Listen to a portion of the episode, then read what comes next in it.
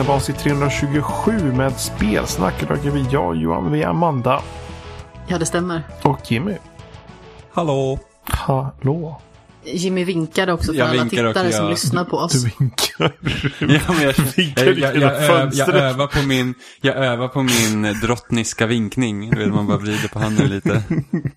Din drottniska vinkling medan jag själv dödelsar mig själv eller något. Ja, men i dessa tider vet man inte vad som kommer ske. Så att jag tänker att jag är ju lika nära att vara typ världens härskare som vem som helst.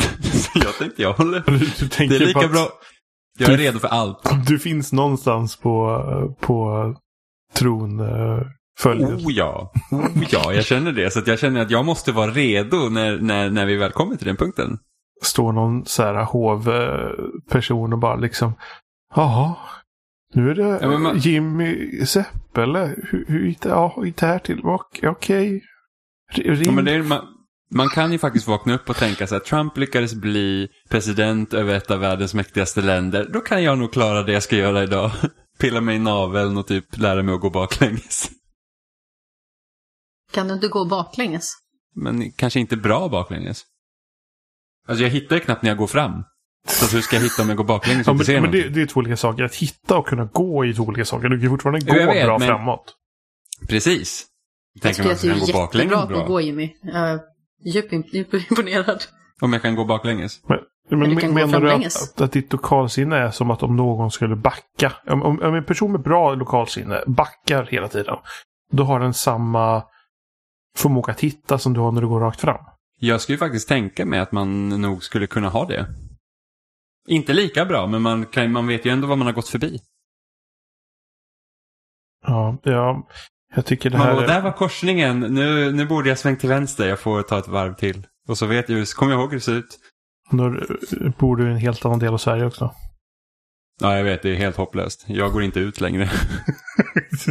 för att hitta ut det. Nej, jag, jag, jag håller valpen utanför fönstret och skakar lite som kissar och bajsar. Det är för, det är för riskabelt där ute. Har du behövt använda GPSen på telefonen för att hitta hem? Nej, det har jag faktiskt inte gjort. Man, bara, man går i princip runt ett hus bara, sen kommer man hem igen. Du vågar ju inte gå längre än så. Nej, men jag gör inte det. Fast vi gick faktiskt sju kilometer i morse. Jo, men det var ju släptåg efter dig. Ja, det är förvisso Ja, sant. så att jag behövde inte hitta någonstans. Men du gick väldigt bra. Ja, framlänges. Precis, imorgon. Så jag menar, jag går baklänges samma runda. Åh gud, på tal på Själv dessutom. följa Ja. efter varandra. Eh, vi har ju spelat uh, vad heter det? Minecraft Dungeons. Ja, Eh, och när jag och Evelina spelar ibland så har jag märkt att var jag än går så följer Evelina efter. så helt plötsligt bara vänder om och springer åt ett håll.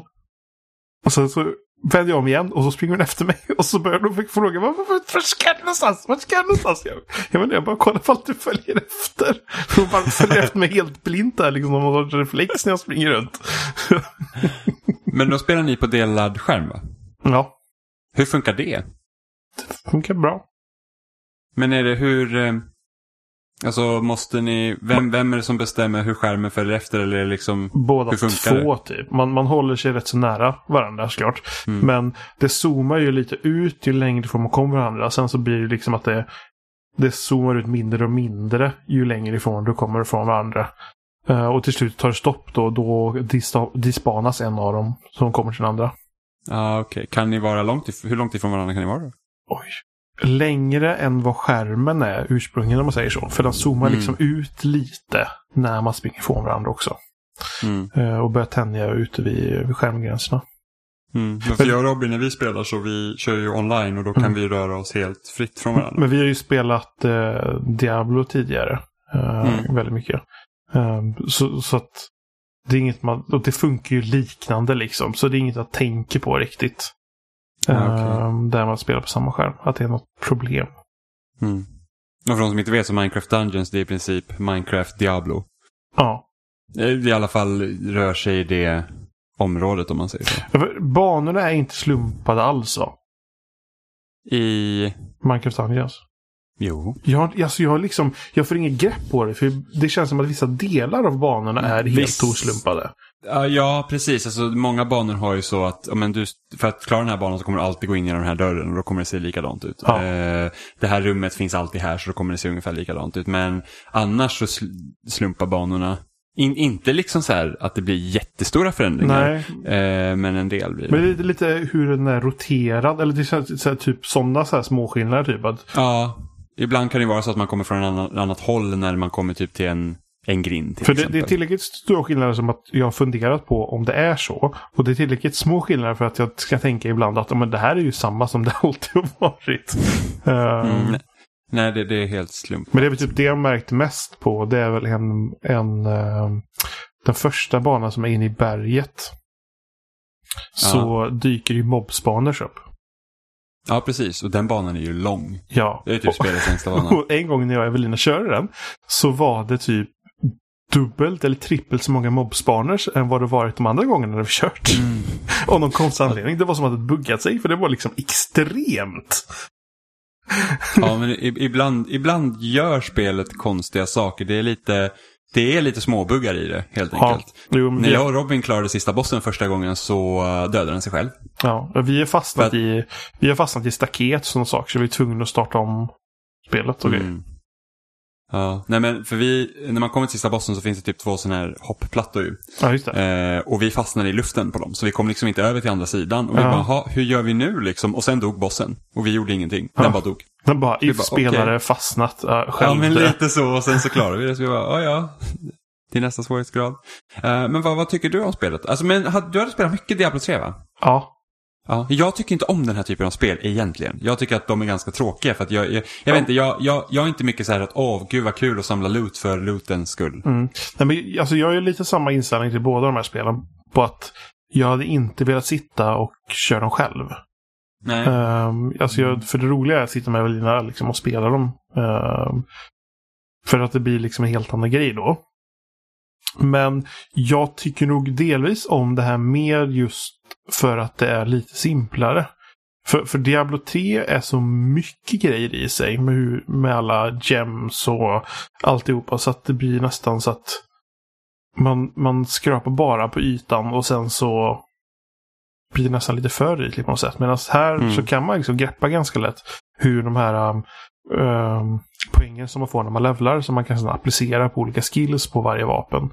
Mm. Eh, och det är liksom lättare att sätta sig in i hur man, man gör det. Eller det, det är liksom det. Det är en rätt så liksom simpel nivå.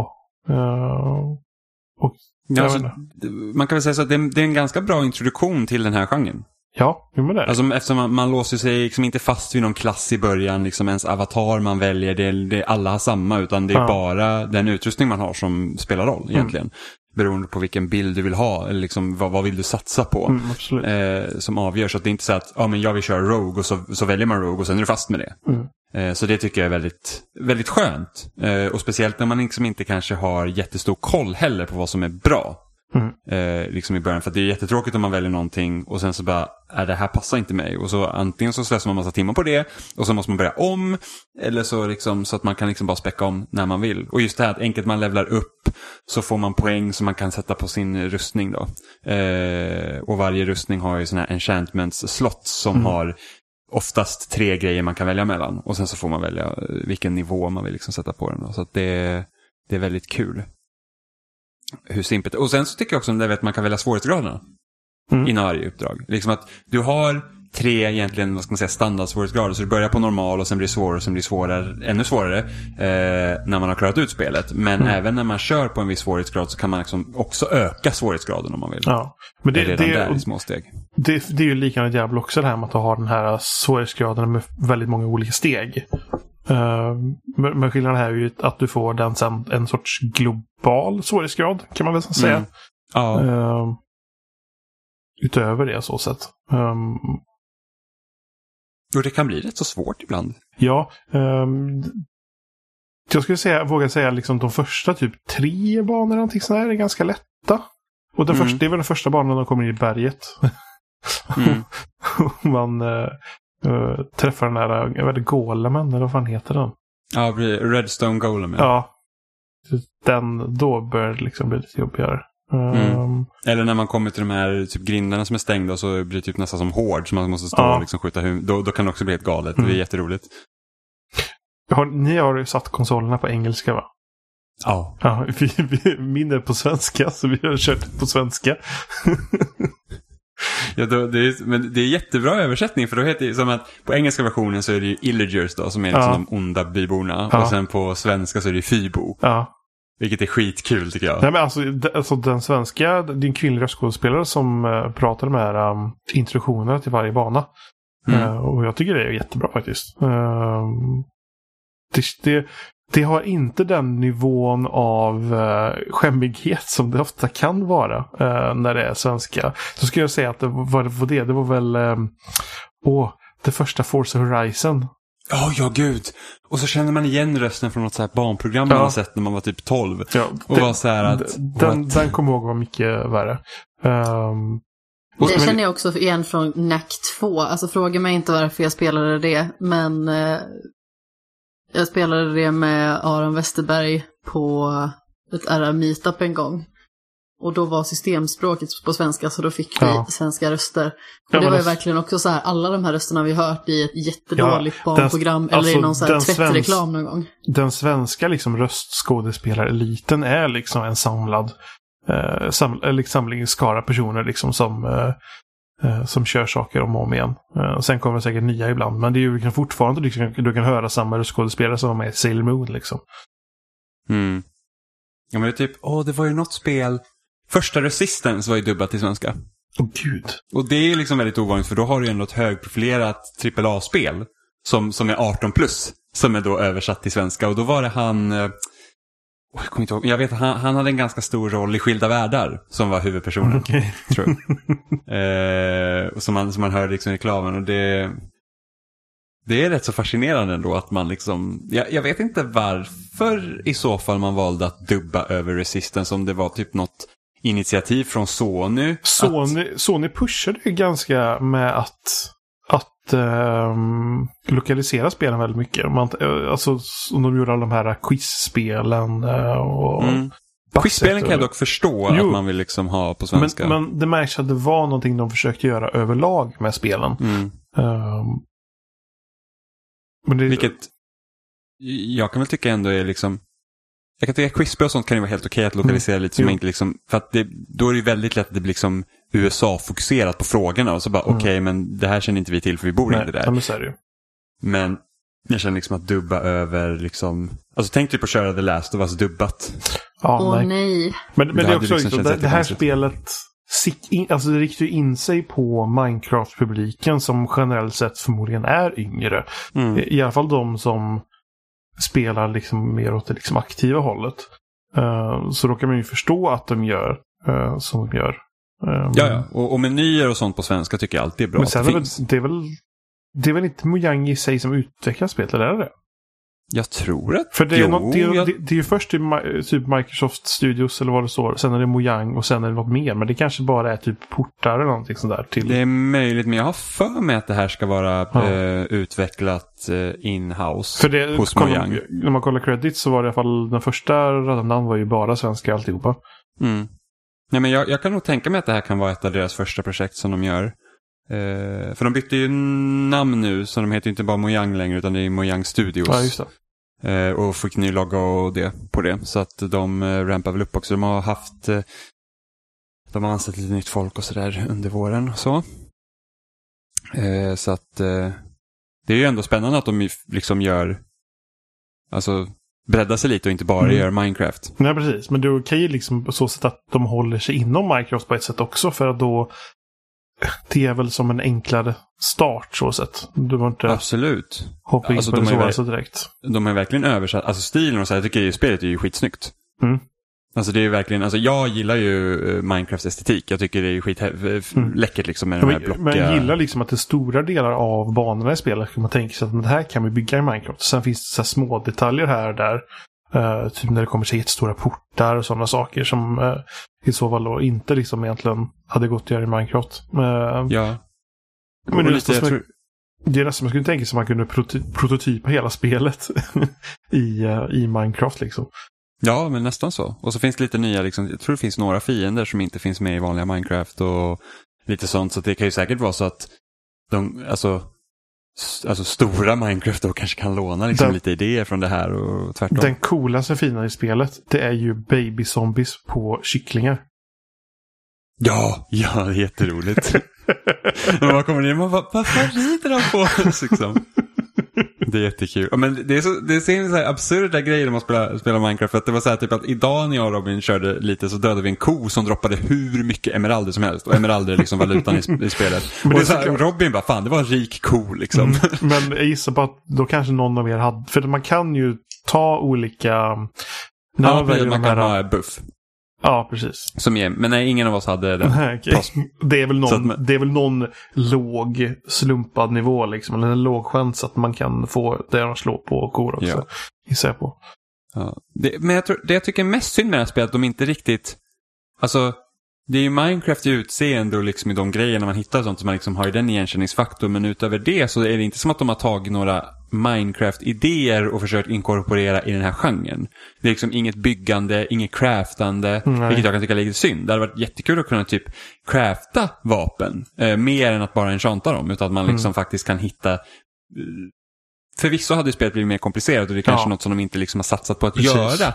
Men jag känner att det är lite tråkigt att liksom att det är samma sak med det här Minecraft Story Mode som Telltale gjorde. Att det är Ja. att, nej men det är ett Telltale-spel med ett Minecraft-skin i princip. Och det är så att, ja men kan vi inte försöka liksom ta några Minecraft-idéer och liksom sätta in dem och se hur kan det förändra liksom spelupplevelsen som inte ett, ett ja, men som ett Diablo hade kunnat Ja. göra för att Diablo funkar inte så. Men det, det, ja, det är väl helt... Alltså det går nog helt ner bara på liksom att hålla, hålla det simpelt. Mm. Um, gissar jag på. Um, man får För- se om de kanske gör fler. Det, det, Ja, det ska komma de ska ju någon expansion. spelet. Ja, det ska komma en expansion. Det, så jag tror det är två större expansioner som är planerade har jag för mig som ingår i det här om man vill köpa typ säsongspasset eller något sånt. Alltså man måste betala för allting som kommer efter det här. Jag tror det. Jag är inte säker om... Jag vet ju inte om Microsoft tänker att nej men alltså alla som har Game Pass får ju också uppdateringarna. För att det är väl någonting som jag känner med Game Pass överlag. Så här att Ja. ja, spelet ligger på Game Pass men inte DLC. Och då är jag så här att men varför vill jag köpa DLC till ett spel jag inte äger? Precis. Så att, säg att Witcher 3 ligger på Game Pass och eh, expansionerna gör inte det. Och så köper jag expansionerna och sen så försvinner Witcher från Game Pass. Då äger jag expansionerna men inte spelet. Mm. Det är sånt jag tycker blir lite och, och så konstigt. kostar spelet eh, fullpris. Ja men precis. Alltså, förvisso så här, åh, hinner man spela expansioner och stora spel då kanske man inte liksom återgår till Witcher. Så det är liksom kanske en petitess. Men jag tycker bara att det blir så himla konstigt bara för att då kan jag äga en viss del av spelet som jag inte kan spela utan huvudspelet. Mm. Så jag tycker alltid att det borde vara så att, nej men, Men alltså, det- lägger, är spelet på Game Pass då får man liksom. det är nog en problematisk liksom, aspekt som, som Mm. de hanterar internt också Men jag, jag på. jag förstår ju inte varför Mike, ett Microsoft-ägd studio inte skulle sätta ut expansionerna också i Game Pass. Mm. För- Men, det, men det är ju för att få folk att få blodad tand och sen köpa mer. Jo, jo, men för Microsofts del så vill de ju bara, de vill ha folk på Game Pass. Ja, jo. Så att det, då känns det lite som att oh, vi vill ha kakan och, och äta den också. Mm. Om man liksom ska göra på det sättet. Men vi får se. Jag, jag har faktiskt ingen aning om hur planerna ser ut för det. Men, Om, men ser man hur man hanterar tidigare, om man tänker på typ Forza-spel och sånt, så har det ju varit så att du får spelet på Game Pass, men sen måste du köpa expansionerna. Det Ehm, stämmer. ja. Det är att jag har ju ofta recenserat, eller jag köper ju ofta har jag Horizon 4? Jo, jag köpte Horizon 4. Eh, men om jag recenserar spel till exempel så, så märker inte jag av det. Eh, för att då, då äger jag ju spelet liksom. Ja. Eh, och då tänker inte jag på att åh, det är på Game Pass också, jag får inga expansioner. Jo, ja, det är sant. Man får se. Däremot, däremot så försvinner ju inte Minecrafts egna spel från Game det är Pass. sant. Det, det stämmer. De Så, försvinner. så det blir lite annorlunda eh, jämfört som om man typ skulle börja spela Fallout 3 och köpa expansionen och sen försvinner Fallout 3. Ehm, Det har du rätt i. Hur fungerar förresten loot för dig när du kör på delad skärm? Får ni samma loot då eller är det fortfarande unikt Jag- för båda spelarna? jag vet inte om det droppas. Jag, jag, för att jag kan inte plocka upp allt. Vissa saker får Evelina plocka upp. Så, så, Ah. så öppnar man kista så kommer det ut typ två stycken items. Okej, och det ena vi. kan du plocka och det andra kan du inte Precis, plocka. så jag vet inte om det Ah, betyder okej. att jag får mindre, men jag gissar på att det blir samma. Mm. Ja, Okej, nej för att det är helt skild. Så jag ser inte vad Robin får när han, när han öppnar en Mm, kista. Jag ser inte det utan...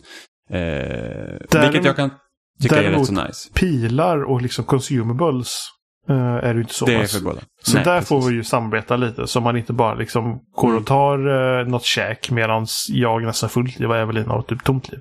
Mm. Ja, men så är det för mig och Robin också. Dock tycker jag det är skittråkigt i spelet. Det går inte att byta, det går inte att byta gear med varandra. Nej, det var rätt. Det finns inget, och det tycker jag är... För att jag och Robin hamnar liksom i i positioner där han är mycket starkare helt plötsligt för han har, hittat, han har haft liksom jättetur med, med dropsen. Ja. Och sen så då, och då sackar jag efter liksom. Så bara, okej jag tål inte lika mycket och jag gör inte lika mycket skada. Och han råkade få två legendary vapen på rad som är skitbra liksom. Han sa okej. Och, och jag kan inte ens få hans grejer som han hade nyss till exempel. Så att, så att det gör så att spelet blir lite obalanserat spelarna emellan. För att det är så att okej men okej nu, nu, nu dödar du så mycket snabbare än mig så att jag kommer, alltså jag gör typ ingenting. Ja, det, det Eh, borde, man borde kunna droppa items så att någon kan Ja. plocka upp det. Absolut, så att det, det tycker jag är ett stort minus. Eh, faktiskt, för att det, det blir också så att okej, men vi kan, vi kan spela tillsammans men vi kan liksom inte riktigt dela upplevelsen mer än det. Alltså det blir liksom så att okej, vi gör lite var för sig då. då. Även, om, även om vi då liksom spelar banorna tillsammans. Det, är liksom att, det finns inget så här, om jag tog det här svärdet, kan du hålla det till mig? Eller, ja, jag hittar den här nu, jag vill nog använda den istället, så vill du ha den här istället. Och det, det är lite trist. Mm. Eh, Men en annan sak som också sagt, för de ska ju, eftersom de ska uppdatera spelet liksom mellan varven och så här, men de har inte sagt att de ska typ, för de sa att vissa builds kommer vara OP och vi kommer inte fixa det för att det är kul när saker är starka. Ja, jo. Vilket det, jag också tycker är skönt. det hör liksom den här typen av spel till lite tycker jag. Mm. För att det är liksom, det finns ju ingen PVP, man kan inte slåss mot varandra så det är Nej. så att varför ska man liksom göra det mindre kul? Precis. För att jag hittade en jättebra bild när vi körde på mellansvårighetsgraden. Det var så att jag hade, hade en armor som gjorde att jag samlade souls mycket snabbare. Mm. Hade ett vapen som samlade souls mycket snabbare. Och sen hade jag så att jag kunde skjuta souls-pilar. Eh, och alltså det kom liksom en hel armé av zombies. Så jag liksom bara så här, Alltså min pilbåge hade så här infinity arrow så jag hade alltid chans att få tillbaka mina pilar. Ja. Vilket gör att om man har då en special, speciell artefakt med pilar så kan du få tillbaka den pilen också. Så säg att jag har soul arrow, trycker igång den, då har jag egentligen tre sådana pilar. Men jag skulle kunna hålla på för evigt om jag har sån tur. Ja. Eh, så att man bara liksom bara möljade på. Eh, i, liksom in i, i arméer av dödkött. Mm. Dödkött. Mm. Så det var jättekul. Har, har du hittat någon rolig så här, någon rolig kombination av vapen eller någonting sånt som jag spelar med? Alltså det känns som att så fort jag hittar ett vapen så hittar jag ett bättre vapen. Eller det, det är så sällan som man hå- håller i ett vapen. Ehm, Mm. så det är väl inget jättespecifikt så riktigt. Eh, jag fick väl, vad var det? Jag fick någon sån här eh, artefakt som gör att man får bättre försvar och en som gör att man får bättre styrka. Eh, så de är ganska passande att ha i kombinerat när man står i en samling Mm. fiender. Det är också en sak som är skitbra med spel som också eh, går in på här att det är så simpelt. Det är att om du uppgraderar en av dina armors med de här enchantment-poängen. Mm. Om du liksom hittar ett bättre vapen som du hellre vill ha. Då, är det, då tar du ju bara sönder det vapnet du hade och så får du tillbaka poängen. Precis.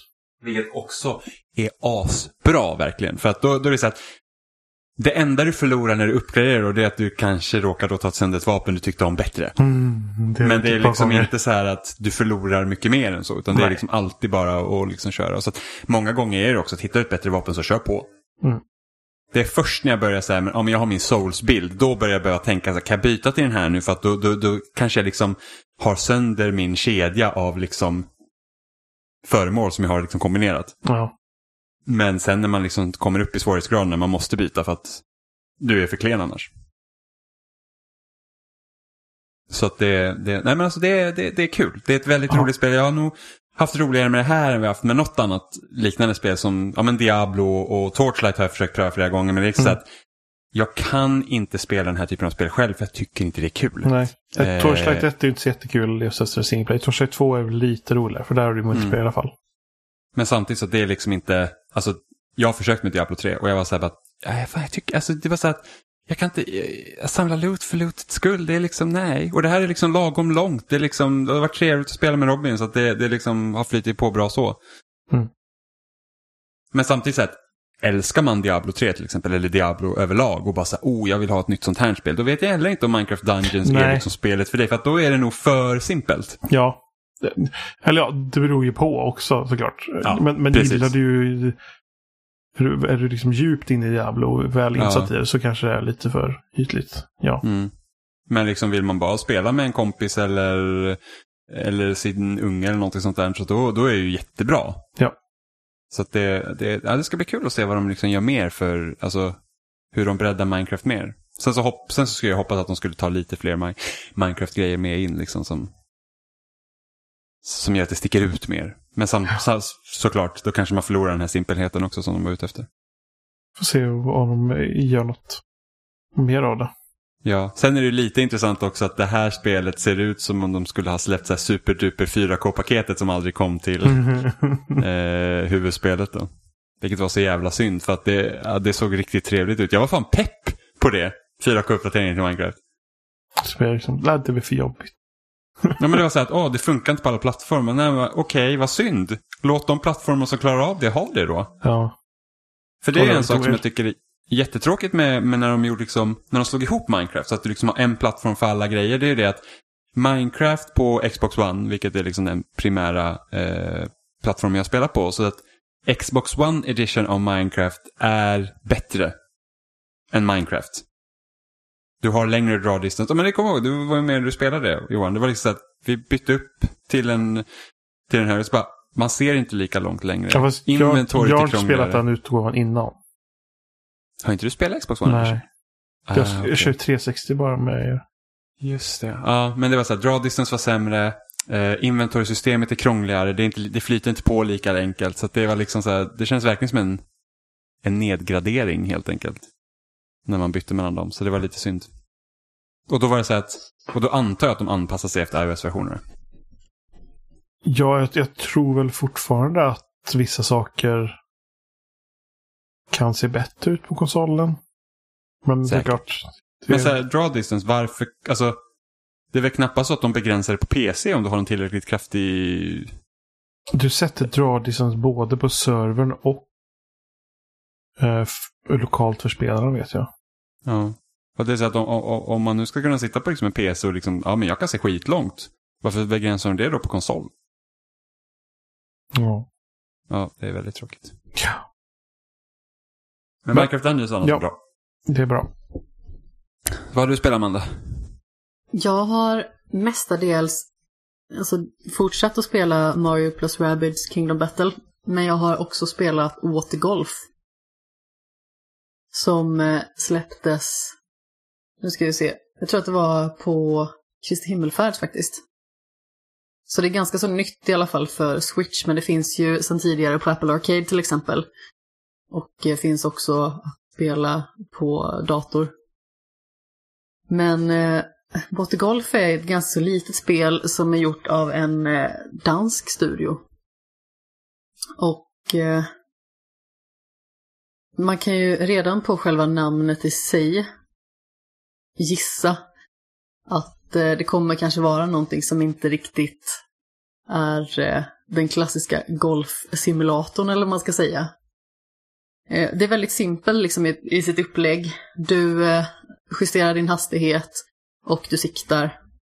Det är i mångt och mycket det, vilket också gör det väldigt så här, ultimat för mobilt spelande. Och det funkar väldigt bra på switchen också som jag har spelat på, tycker jag. Alltså det är jättelätt att bara plocka upp och spela. Eh, och sen så tänker man liksom så här, ja ah, men en bana till, ja ah, men vi tar en bana till. Och så blir det så i ett ekorrhjul på något vis, att eh, det bara rullar på. För att banorna är väldigt kvicka och rappa. Det är inga långa historier, det är liksom inga par sju hål om man säger så. Men eh, som sagt, watergolf, det är liksom golf, den urballade versionen. För när man spelar liksom första hålet, då blir det i mångt och mycket så här att ja, det här ser ganska normalt ut. Du står liksom i en backe, du siktar på flaggan, du träffar, du går vidare. Eh, och sen så börjar liksom omvärlden reagerar lite annorlunda. Alltså dels så skjuter man iväg sin egen klubba, man skjuter iväg sin egen karaktär. Eh, så saker runt omkring en blir liksom själva bollen. Eh, till och med den här indikatorn för hur hastigheten ska gå eh, flyger iväg. Eh, och sen så spårar det fullkomligt verkligen. Eh, Så varje bana är liksom en ny upplevelse. Ja, men precis. Alltså, det eskaleras också hela tiden på något vis. Alltså, en sak som jag tyckte var väldigt rolig, som kom väldigt tidigt, det är till exempel att man eh, har ett hus som man ska skjuta iväg och när man träffar flaggan så står det Home in One. Vilket jag naturligtvis tycker är väldigt skojigt. Eh, för att jag eh, eh, blir väldigt barnsligt förtjust i sån här typ av humor. I alla fall när den är upplagd på det här sättet för att eh, humor mår väldigt bra oftast av att vara rapp. Så eh, just i det här fallet så funkar det väldigt bra och spelet liksom lever väldigt mycket på att det är eh, putslustigt, det är väldigt mycket ordvitseri, det är Det är typ pappa-humor deluxe utan den här långa inramningen av berättelsen. Ja, men Det tar precis, fem minuter liksom. innan man kommer till punchlinen. Ja, ja, alltså man, man slipper ju den här långa utläggningen när man liksom tänker bara varför kommer du aldrig till punkt någon gång. Eh, och det är, väl, ja, precis, det är väldigt mycket pappahumor men framförallt så är det väldigt mycket referenshumor så om man liksom inte har levt under en sten sedan typ 60-talet åtminstone så borde man ju känna igen lite granna. Eh, alltså vi har ju allt möjligt. Vi har ju dels referenser från alltså, historien i sig. Alltså vi har ju månlandningen. Det är också en sån grej som jag tycker är så himla charmig. Då eh, skjuter man liksom iväg en liten eh, minifarkost skulle man kunna säga. Och eh, när man träffar flaggan så står det Eagle. Vilket, alltså dels är det ju en golfterm. Alltså, har man någon gång hört någonting om golf liksom i terminologi så alla eh, positiva aspekter, det vill säga när man går en bana under par. Eh, då är det liksom fåglar. Vi har ju liksom albatross, vi har eagle, vi har birdie till exempel. Eh, så, så det tycker jag var helt briljant. Alltså dels då naturligtvis för att när du träffar så blir det en eagle. Så det är liksom dels en golfreferens men sen så har du ju också eh, taget från månlandningen att den här eh, månfararen hette ju Eagle. Därav citatet The Eagle has landed. Som då eh, rapporterades till kontrollrummet i Houston. Houston som också kommer med naturligtvis när vi är ute och svävar i rymden. Så det var väldigt mycket sådana charmigheter och det är naturligtvis massa referenser till spel i allmänhet. Vi har liksom så här Donkey Kong, vi har Super Mario, vi har Superhot. Vi har naturligtvis såklart eh, massa fågelspel. Så att man eh, Undrar om Nintendo-referenserna är unika för Switch-versionen. Jag vet faktiskt inte. Jag klarar inte ut det när jag körde på iOS, men det skulle mycket väl kunna vara så. Alltså Nintendo är ganska kända för att när spelen kom, och ofta med spel som kommer till deras plattformar som liksom har funnits på andra konsoler, att de har liksom egna grejer i dem också. Kanske, jag har faktiskt ingen aning. Jag vågar inte säga, svara heller, men det är liksom Ja. en ganska rolig grej. Jag har spelat alla banor. Eh, så man fick liksom se väldigt många olika sorter. Alltså det är referenser till sport också. Alltså dels så har vi ju eh, vi har friidrott, vi har bowling för all del. Så det kommer referenser kastas från alla håll och kanter men det gör ingenting riktigt för att det passar in. För det känns som att Watergolf är spelet som ska balla ur. För mycket är bra, helt enkelt, och det gör ingenting. I många fall så blir ju för mycket just för mycket. Men i Watergolf är för mycket perfekt. Och jag tycker att det här spelet är väldigt underhållande. Alltså, dels så får man ju många goda skratt på vägen, men det är också roligt för att det är liksom det kan vara så pass mycket utmaning ändå som man ibland får tänka till, i synnerhet i och med att det finns två stycken steg till på varje bana, så du kan ju liksom bara klara banan sådär. Men det finns också två steg, det finns liksom också en par-del. Det vill säga att, alltså par i golf, det innebär liksom att du slår den eh, förutsatta mängden slag du ska slå.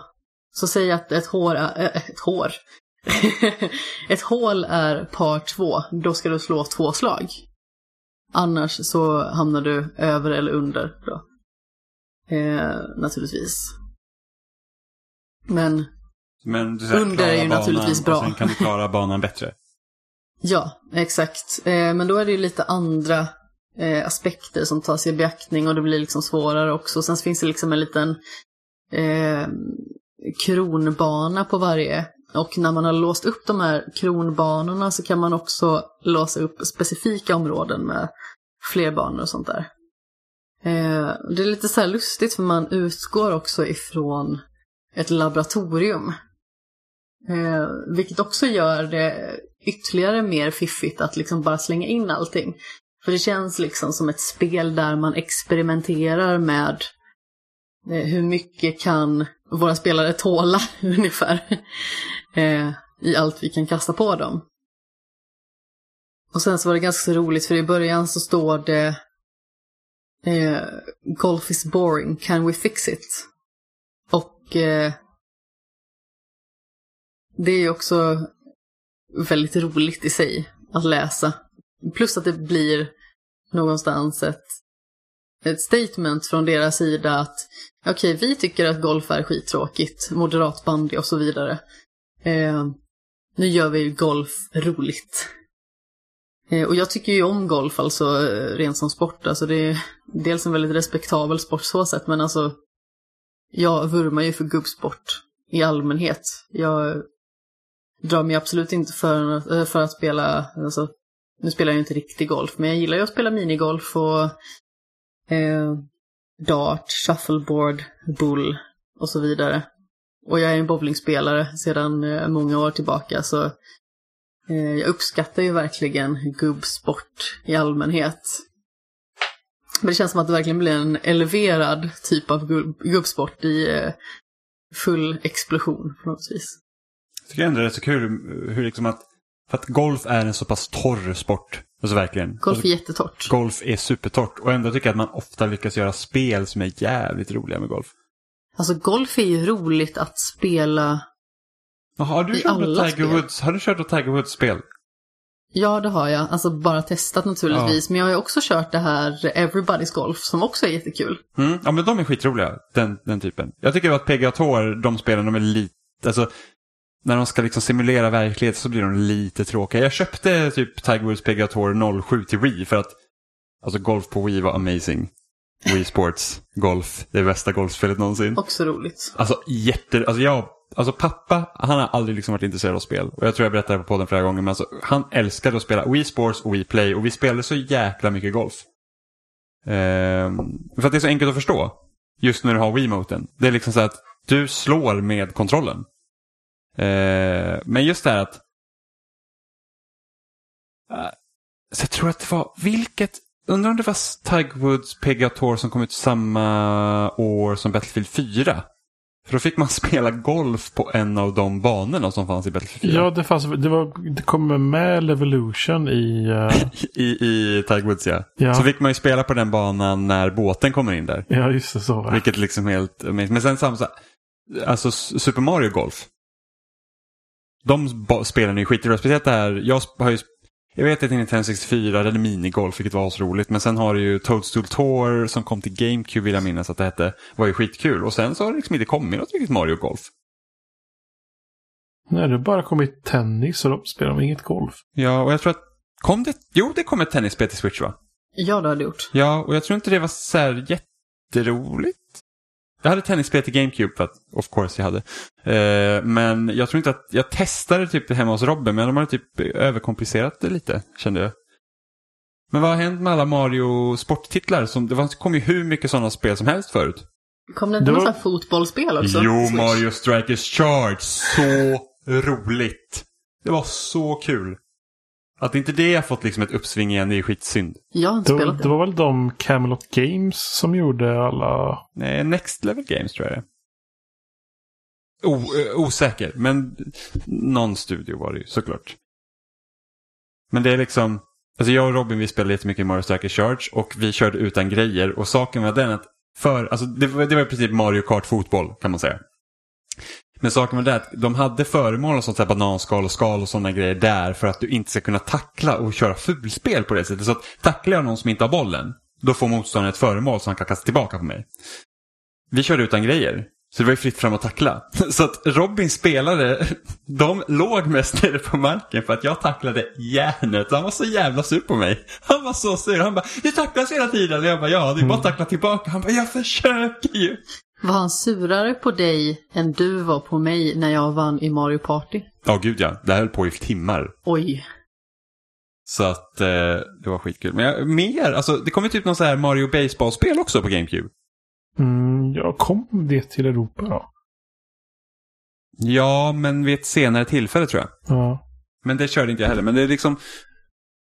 Hade jag gärna haft så här Mario Basket eller någonting sånt hade varit skitkul. Ja. Ehm, Camelot Software Planning har gjort golf och tennisspelen. Okej, då är det, tror jag det är Next Level Games som har gjort fotbollsspelet i alla fall. Så kan det vara. Så de gjorde Mario Tennis Aces som kom till Switch 2018. Mm. För något som jag alltid har tyckt är synd, det är att Nintendo är inte de som utvecklar Mario och Sonic at Olympic Games, utan att det är Sega. Jag tycker att Sega har inte samma fingertoppskänsla när det kommer till att göra roliga minispel som eh. Nintendo. Så att jag har ju... Ja, jag har ju inte kört alla Mario och Sonic at Olympic Games. Jag har kört det första som kom till Wii. Eh, och det var ju småkul, men det är liksom inte på samma nivå. Känner jag.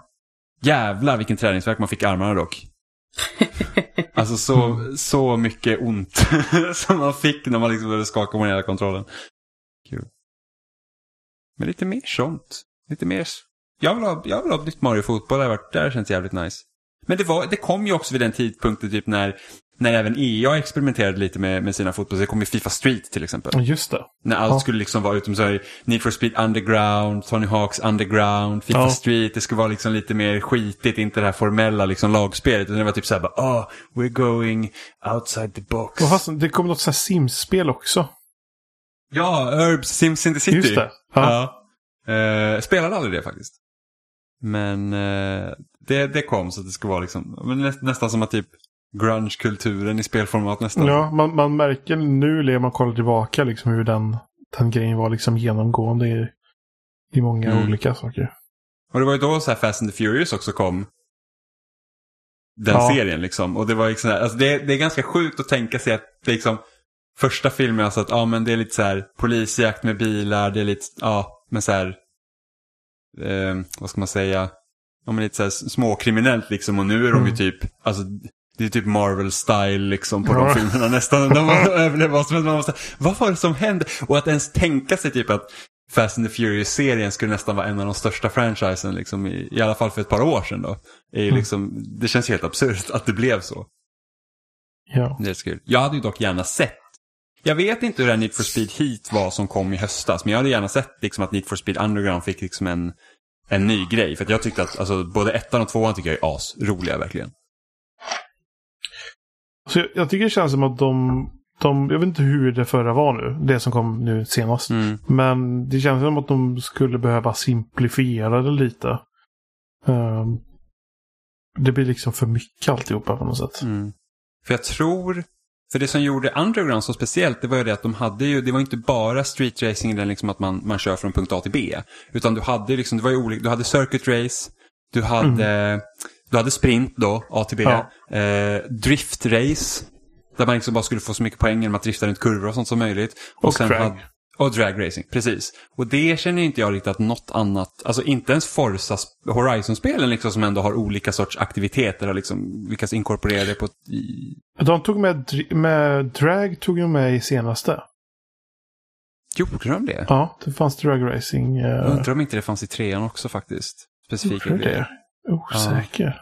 Det, känd, det, det kändes mer i alla fall i det senaste. För jag kommer ihåg det var något.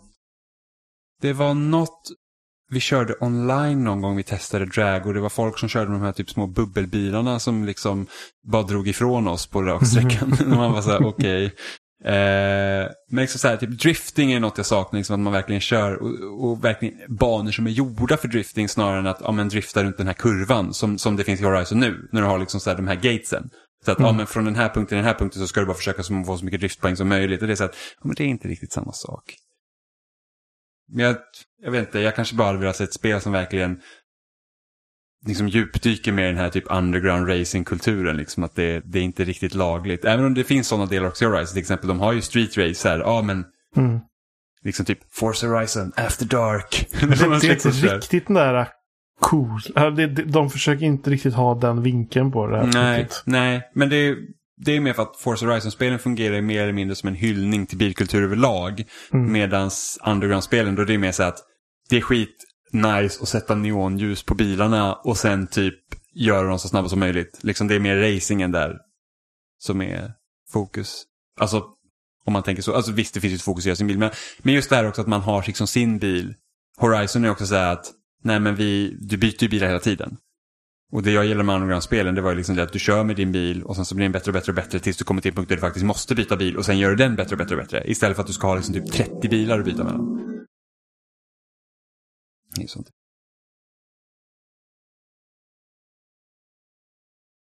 Eh, jag klarade ut Kingdom Hearts 2. Idag. Efter Faktiskt. en del tandagnissel. Ja, men alltså, alltså de sista bossarna i det här spelet, det var ju helt absurt.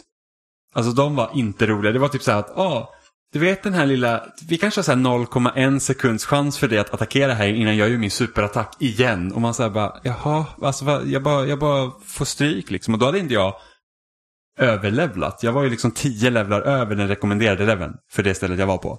Så att, jag, så att när jag väl liksom fick in slag på bossarna och så, så, så, eh, så, så då åkte de ju liksom, fick du ganska mycket däng. Men det var ju liksom så att, fick de in sina superattacker på mig så var det ju liksom kört. Och det är liksom inte kul.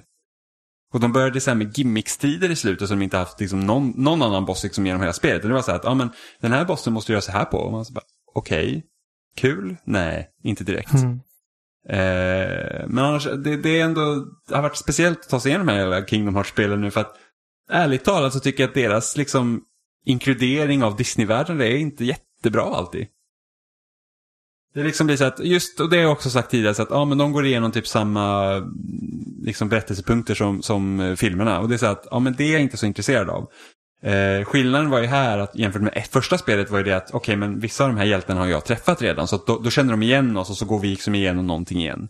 Eh, ofta är det liksom från någon, någon av filmerna, liksom, som Aladdin till exempel, då känner man igen lite från Jafars återkomst till exempel.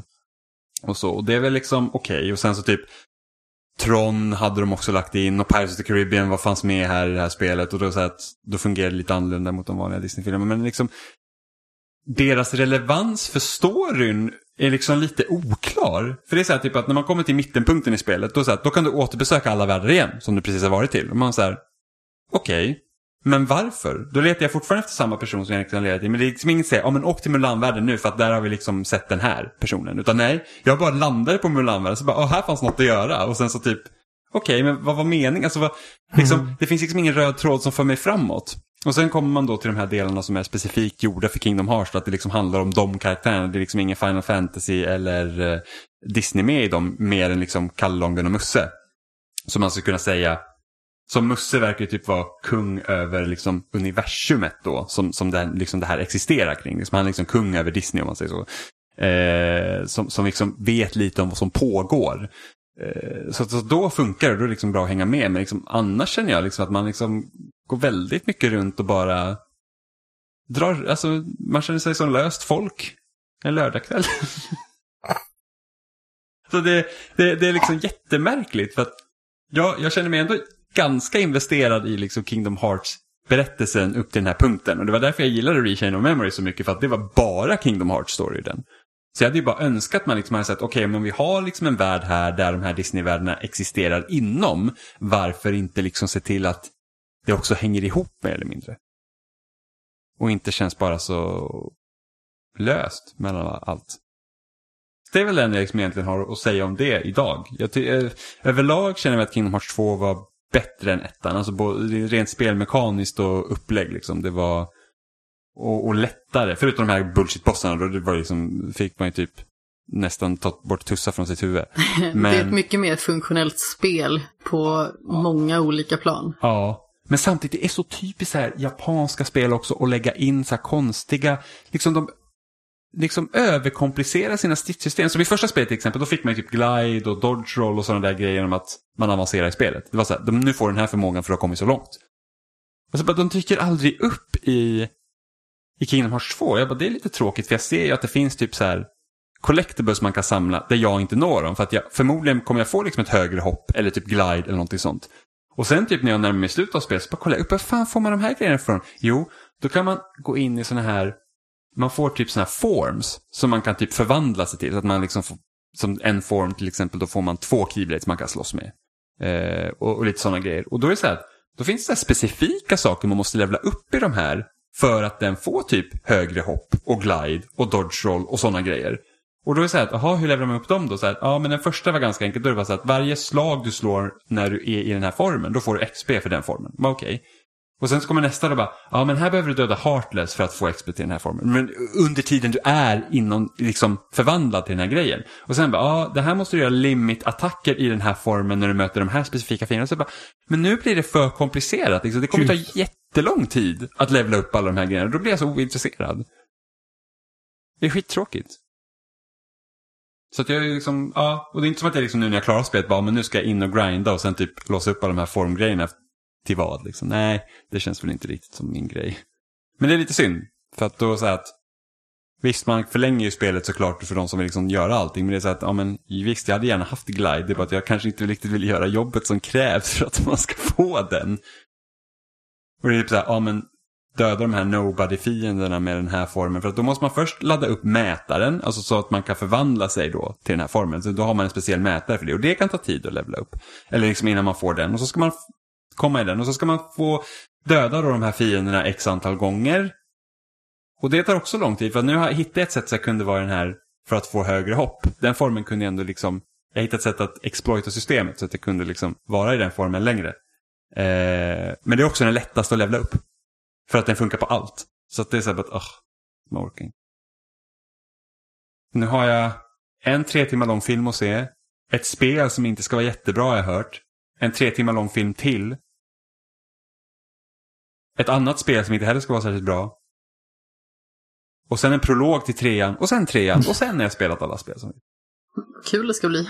Ja, men nu måste jag ta en paus känner jag. För att det är det var lite motigt i slutet av Kingdom Hearts 2. Så att nu har jag spelat det här jävligt. Alltså det är typ... Alltså det är över 60 timmar nu jag spelar Kingdom Hearts. I, i, i loppet av typ en månad. Något sådant. Något, ja, precis. Och det är så att, okej, okay, men det räcker. Det är nog tre spel, men det är ändå, det räcker. Eh, så att nu har jag vänt mina blickar mot Definitive Edition av Xenoblade Chronicles. Som jag har spelat väldigt lite av, så jag kommer inte... Jag kommer prata mer om det nästa vecka. Och jag kommer också prata om det då. Mm. Eh, men bara så här, första snabba tankar är att de har gjort questsystemet mycket enklare genom att man faktiskt kan se vart man ska nu. Det finns jättemånga quests i det här spelet, alltså sidequests. Eh, och jag typ gjorde inte dem första gången jag spelade dem. För det är så att du får ett quest, bara, kan du hitta det här åt mig? Och du har ingen aning om vart de grejerna är. Så då måste man liksom gå till varenda, så här, det är typ ljuspunkter på, på, eh, när man går runt i världen. Så, så man går på dem, då får man ett objekt. Liksom. Det kan vara potions eller liksom vad som helst. Eh, och då måste man gå till alla dem liksom så här, och hoppas att man hittar rätt. Och här är nu så att du får liksom, det är ett utropstecken när den finns. Så då kan man gå dit direkt samlare och sen, och sen så oftast så är det liksom ett, när du har klarat ett sidequest, direkt när du plockar upp det itemet, du behöver inte gå tillbaka till när du tog questet utan det är bara så okej okay, men du är klar med questet. Så det är jätteskönt. Eh, andra grejen är att det är jävligt svårt i början. Alltså det är, det är ingen så här easy street, att man liksom långsamt kommer liksom in i, i spelet. Det är verkligen så att, ah, här är första grottan, du kommer bli ägd. Överlev. Totalt. Ja, men lite så faktiskt. Det är typ så att du möter direkt fiender som är typ två levlar över dig. Och även om du möter fiender som är samma level som dig så, så är det så att de kan vara så många så att du, du dör ändå. Så att då måste man redan liksom börja grinda i början. Och jag kommer ihåg att det var liksom en tröskel jag behövde ta mig över första gången jag spelade på Wii. För jag kommer ihåg efter min första grott, jag var så här, jag tror fan inte att jag kommer klara det här spelet för att det är, jag vet inte om jag orkar. Eh, sen så gjorde jag det såklart, för att alltså Xenoblade Chronicles är typ ett av mina favorit-JRPG. Eh, och nu på switchen är det ju asnice att kunna spela det. Så, så det ska jag sätta mig mer med nu faktiskt. Eh, under kommande veckan så hoppas jag att eh, jag kommer längre. Det är ett långt spel. Det tog mig typ 80 timmar att klara första spelet. Eller ja, Första gången jag klarade det. Eller ja, första och enda gången jag klarade det egentligen. Jag inte klarade flera gånger. Som när jag klarade första Ninokuni. Jag Ja. tror det tog 85 timmar eller något sånt. Jävlar!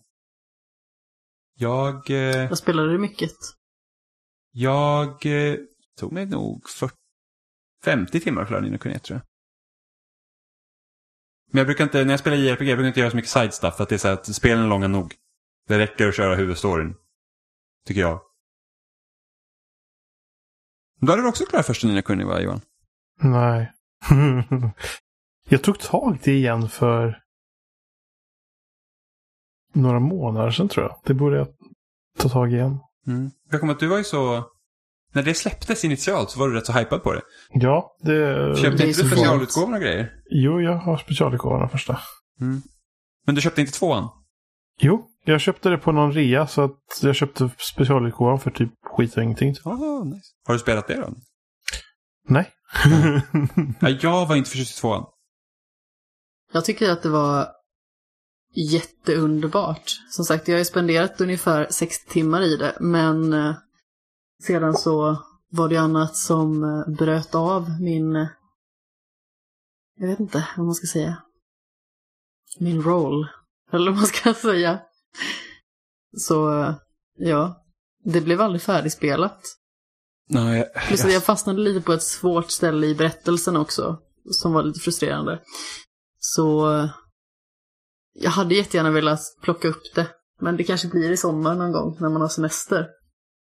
jag tror att mitt största problem med Nino Kuni 2 var att jag var inte alls intresserad av storyn. Jag tyckte att, och jag spelar JRPG mestadels för att jag vill spela en story som jag bryr mig om. Även om inte storyn är så här, så att, åh, det är inte Oscars-material direkt, men det är så här tillräckligt för att man ska säga, jag vill se hur det slutar. Och första spelet är ju verkligen så, jag tycker verkligen, alltså den grejen med Oliver, att han bor liksom i, i sin lilla stad och sen har- kommer han in i den här fantasivärlden, alltså det tycker jag är jättemysigt. Och sen tvåan är inte riktigt samma sak. Så att det är liksom så här att, ja, alltså, åh, jag bryr mig inte riktigt om den här huvudkaraktären och lite så. Så, att det, så jag föll av det ganska snabbt. Jag spelade ändå 20 timmar eller någonting sådär, men sen var det så här, nej, det kom något annat emellan. Faktiskt. Jaha. Ja, jag hade tänkt att fråga så här. För att det var planerat att Sony skulle ha sin PS5-konferens på torsdag. Mm. Den här veckan. Eh, och bara så här, åh, vad hoppas ni på, vad hoppas ni på att se? Men det var att de sköt upp det precis. Oj. på grund av det som händer i USA just nu. Ja. Med allting. Så att, eh, Så samma Google sköt upp någon grej också. En dem- demonstration av nästa Android-version tror jag. mm. Och det är förståeligt. Även om Ja. jag, jag såg väldigt mycket fram emot att få se vad de hade tänkt att visa. Det är nog svårt att greppa eh, av bara att se liksom lite filmklipp och sånt hur det faktiskt är borta i USA just nu. tror. Ja, gud ja. Det, det, Det- Känns, det, det känns lite overkligt. Liksom. Ja. Får se när, när, när de, när de eh, beräknar att eh, visa igen. Jag antar att det bestämmer något nytt datum sen. Eller ja, de Ja. annonserar väl något nytt datum när det lugnar ner sig lite. ja, så är det nog. Mm. Ja, det var väl allt vi hade för den här veckan tror jag. Ja, jag har nog inte något mer att tillägga egentligen. Det har, jag har inte spelat så mycket mer än så. Det har inte hänt så mycket mer heller. Jag kollade inte på Last of Us 2 State of Play för det är så att jag vill inte se Gud. mer. Jag, jag kommer ändå Nej. spela det liksom. Jag har inte sett något material eller läst någonting om det överhuvudtaget. Nej. Mer än den första, första, första teaser-trailern som släpptes. Och du har inte sett, du har inte sett någon trailer efter det heller? Nej. Ja, det var som tusan. Tror inte jag, jag känner liksom inget behov av det riktigt. Nej. jag, jag- man, jag vet redan att man kan förvänta sig att det är jävligt snyggt. Och... Så Ja. nej. Jag kan, nog vänta faktiskt. Ja, ja men det, det ska bli så. Vi håller ju på att spela igenom ettan nu. Ja, Ja, precis. det. Igen. Hade jag tänkt göra, men jag tror inte jag kommer få tummen ur det. Ja, nej, det, det är inte, det är ganska långt. Ja, Och det Nej. finns ju mycket annat att spela. ja, för mycket. Ja, korrekt. Ja, nej men vi finns som vanligt på spelsnack.com. Där hittar ni länkar till ett gäng ställen ni kan lyssna och följa oss. Um, ja, vi finns de flesta poddappar och sånt. Um, ni får gärna skriva till oss. Antingen via e-post, eh, uh, kontakt.spelsnack.com eller våra förnamn spelsnack.com. Eller så finns vi på Twitter och Instagram, spesnackpodd. Ja, Ja, korrekt. Vi, vi hörs på internet eller så får ni höra våra röster igen om en vecka. Det gör vi. Hej! Hej! Puss i ljumsken.